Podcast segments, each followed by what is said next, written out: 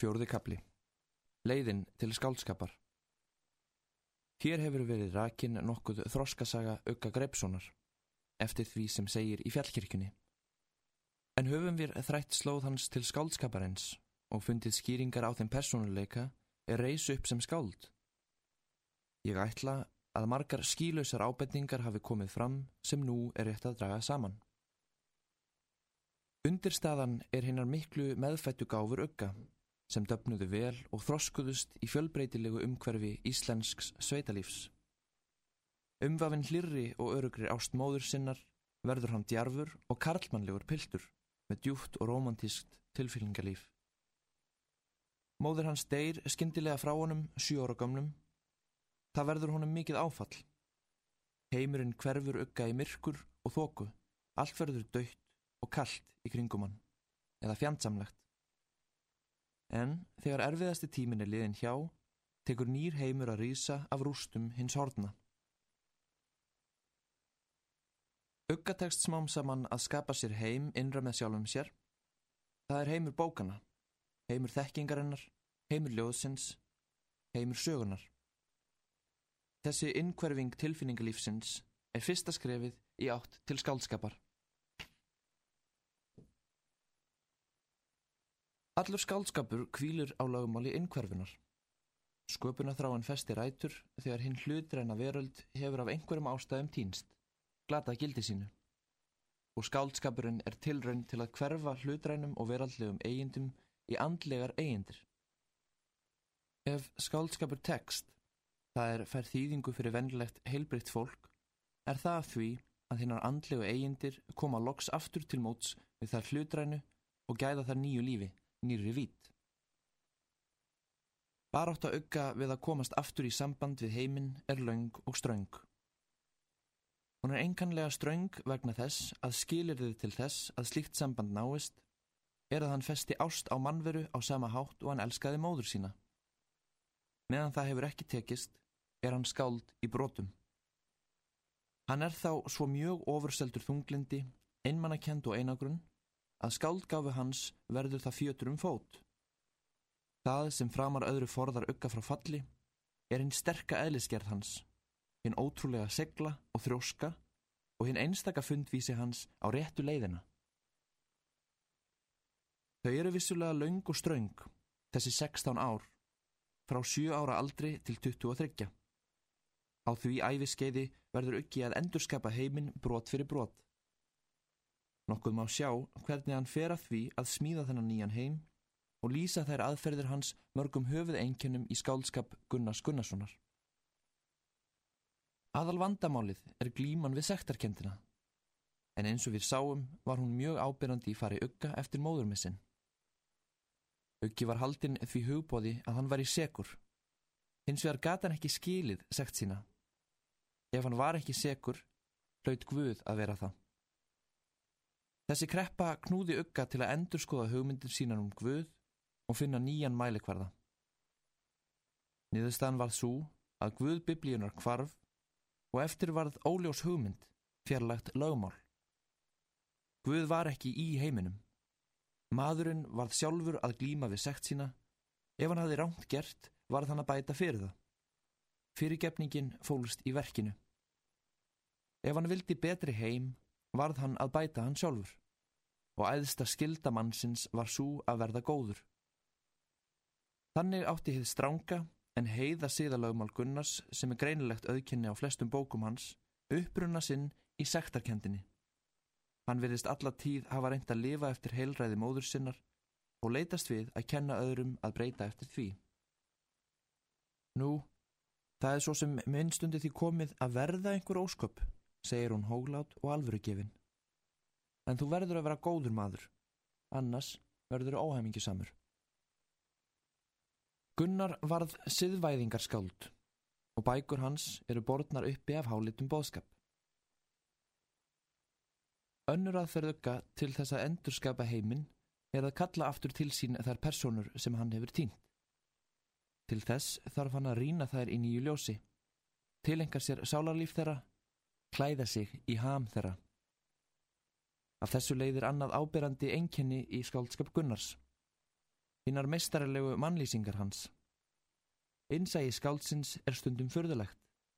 Með fáeinum pennadráttum getur hann brúðið skæruljósi á sáralíf persóna sinna, svo að ógleimanlegt verður. Fjallkirkjan er betri kennslubóki sálarfræði en margar bækur sem gefnar eru út undir því heiti. Og þá er komið að þriðja einkenninu í skáldskap Gunnars, en það er hinn þunglindislegi tótn sem hvarvetna hljómar, bæði í efni og stíl.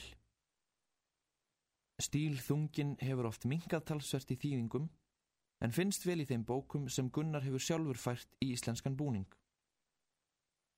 Tungutak þeirra mun hafa einkennileg áhrif á flesta í byrjun. Það er saman barið og hart sem steinn. Manni vilist höfundur hafa átt trekt tungu að hræra. Gunnar er ekki málgefin höfundur, enda þótt hann að vera ritað margar bækur.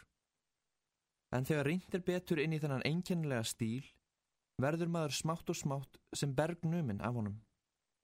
Hinn harða skél eða raun skorpan bráðnar utanaf og undir slærið heita hjarta þungum dimmum slögum, haldið ólýsanlegri viðkvæmni og sárri þrá. Haldur Kiljan Lagsnes nefnir þessi þunglindislegu einkenni í skáldskap Gunnars lífstrega og setur hann réttilega í samband við hins sára móðurmissi. Lítill vafi er á að lífstregi Gunnars er minjar hinnar betru reynslu hans, ör eftir gömul sár. Sálar ástand ugga á bernsku og unglingsárum sínir svo margar hliðstæður við þunglindi hugsíkinar, neurotic depression, að ekki verður um vilst, kvíði og sektarkend með bitrum sjálfs ásökunum. Hvarf hins ytra veruleika og sköpun nýra innri heima í stað þess sem glataðist. Allt eru þetta velþægt enginni á sjúku sálarlífi. En hér gerir það gæfumun að uggi læknar sjálfan sig, eins og áður er sagt. Hann rambar út úr völendrahúsi sjálfskunnar með nokkra skrámur, en týnist þar ekki. Sumir vilja eftir vill telja þunglindi Gunnars til höfundar veikleika hans og það mun rétt vera að því leiti að það hefur vafalöst staði vinsældum hans hjá almenningi nokkuð fyrir þrifum. Almennar vinsældir reytuvundar kvíla á léttleika og fjöri í frásögn, hraða í atbyrðarás. En það er grunnfær mælikvarði á ágæti höfundar. Gunnar er skáld sem þarnast þroskaðra og djúpsara lesenda. Þeir munu finna að við lífstrega Gunnars eru tengd mörg dýrmætustu verðmætti skáldskapar hans. Í honum er fólkin undiralda einn sammanlega, einn ríka samúð með stríðandi og líðandi mannkind, sem sífælt veður í villu og svima í leit að sjálfur sér.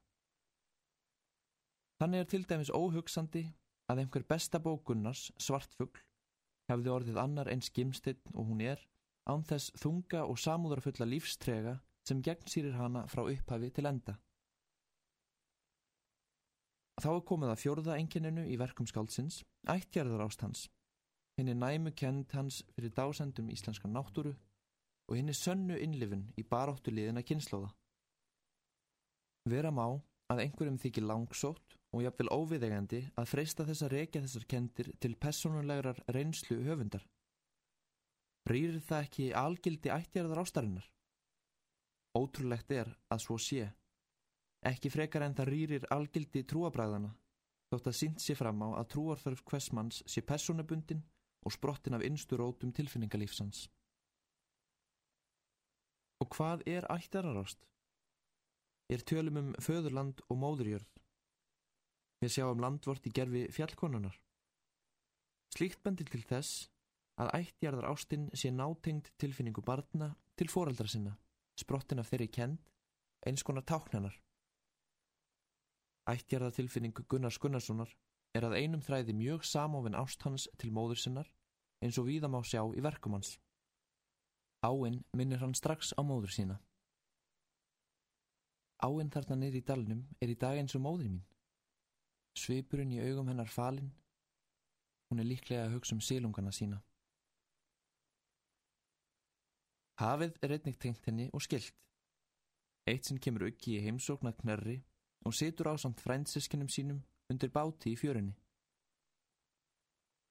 Úti braut kvöldlegnar öldur á steinum. Þær kvísluði nafni móður minnar tjáðu söknuð sinn af ángur blíðu og mér heyrðist þær heita mér vinóttu og huggun. Komdu til mín, sagði hafið lokkandi, vertu hjá mér. Og það kom mér ekki neitt ókunnulega fyrir, þótt þetta væri aðeins í annarskiptið sem ég satt á strönd þess, öðru nær. Mér fannst ég væri hafið þessu nákunnugur, hefði alltaf þekta að það rinni í æðu mínum.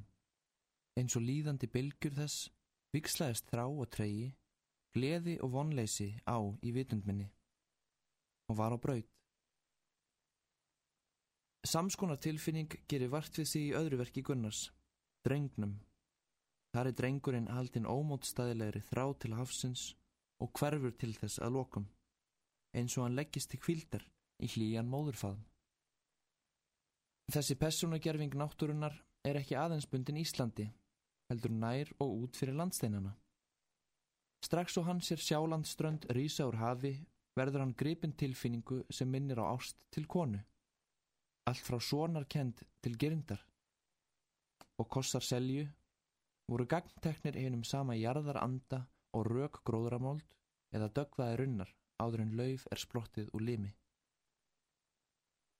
En það er einnig önnur hlið á ættjarrar ást Gunnars, engum minna personabundin og nákomin viðleitni hans til að finna sjálfan sig. Eins og Bert hefur komið fram er þörf Gunnars eða Ugga til þess að sigra ákaflega sterk. Hann vill sigra, sigursins eins vegna. Hann hyrðir ekki um sigurlaun því að launin eru fólkin í sigurinnum sjálfum. Ormar Örleksson í borgarættinni er dæmigerður fulltrúi þessarar hneiðar hans. Það er mótstæðan sem sigrast þarf á er heillar huga Gunnars. Ísland verður tákn þessarar mótstöðu. Til þess liggja vissulega gildar ástæður. Á unglingsárunum kynntist Uggi henni miskunarlausu og óblíðu náttúru Íslands. Mörg fangabröðin mátti hann þreita við hana á heiðum upp í frosti og byl. Það var annarkort að duga eða dreppast. Þegar Uggi stæltist varð honum þessi glíma skapfelt. Hann fór að elska þennan andstæðingsinn. Ef til vill fann hann einnig hversu mikið hann átti honum að þakka. Hann hafði kent honum að gefast aldrei upp. Þess vegna varð þakkaróður ugga til Íslands með nokkuð sérstökum hætti. Það Ísland sem ég bar í mér livði lífi sínu umkringt höfum, umslungið grænum hvít fissandi öldum. Í slíku hafi gátu menna því svo farist, en menn sóttu þangað einnig lífsitt. Dagur og nótt runnu í fegurð yfir þetta land. Hverki var festingin jafn hátíðileg, hverki jafn dagfagurt. Óbrótlegt rann land þetta lífskeið sitt, sigur hrós í eigðileikanum. Og um þetta land leik alveg sérstakt lífsloft. Glaðlegur andblær, örlindra þjóðar, sem er dugleg að hafa ofana fyrir sér og hefur varðveitt lífsorku sína, óbugaða, lið fram af lið, allt frá dögum landnámsmannana. Sigur hrós í eigðileikanum. Þau getur verið einhvernar orð Gunnars, samnefnari fyrir lífsefnu hans sjálfs og afstöðu hans til Íslands.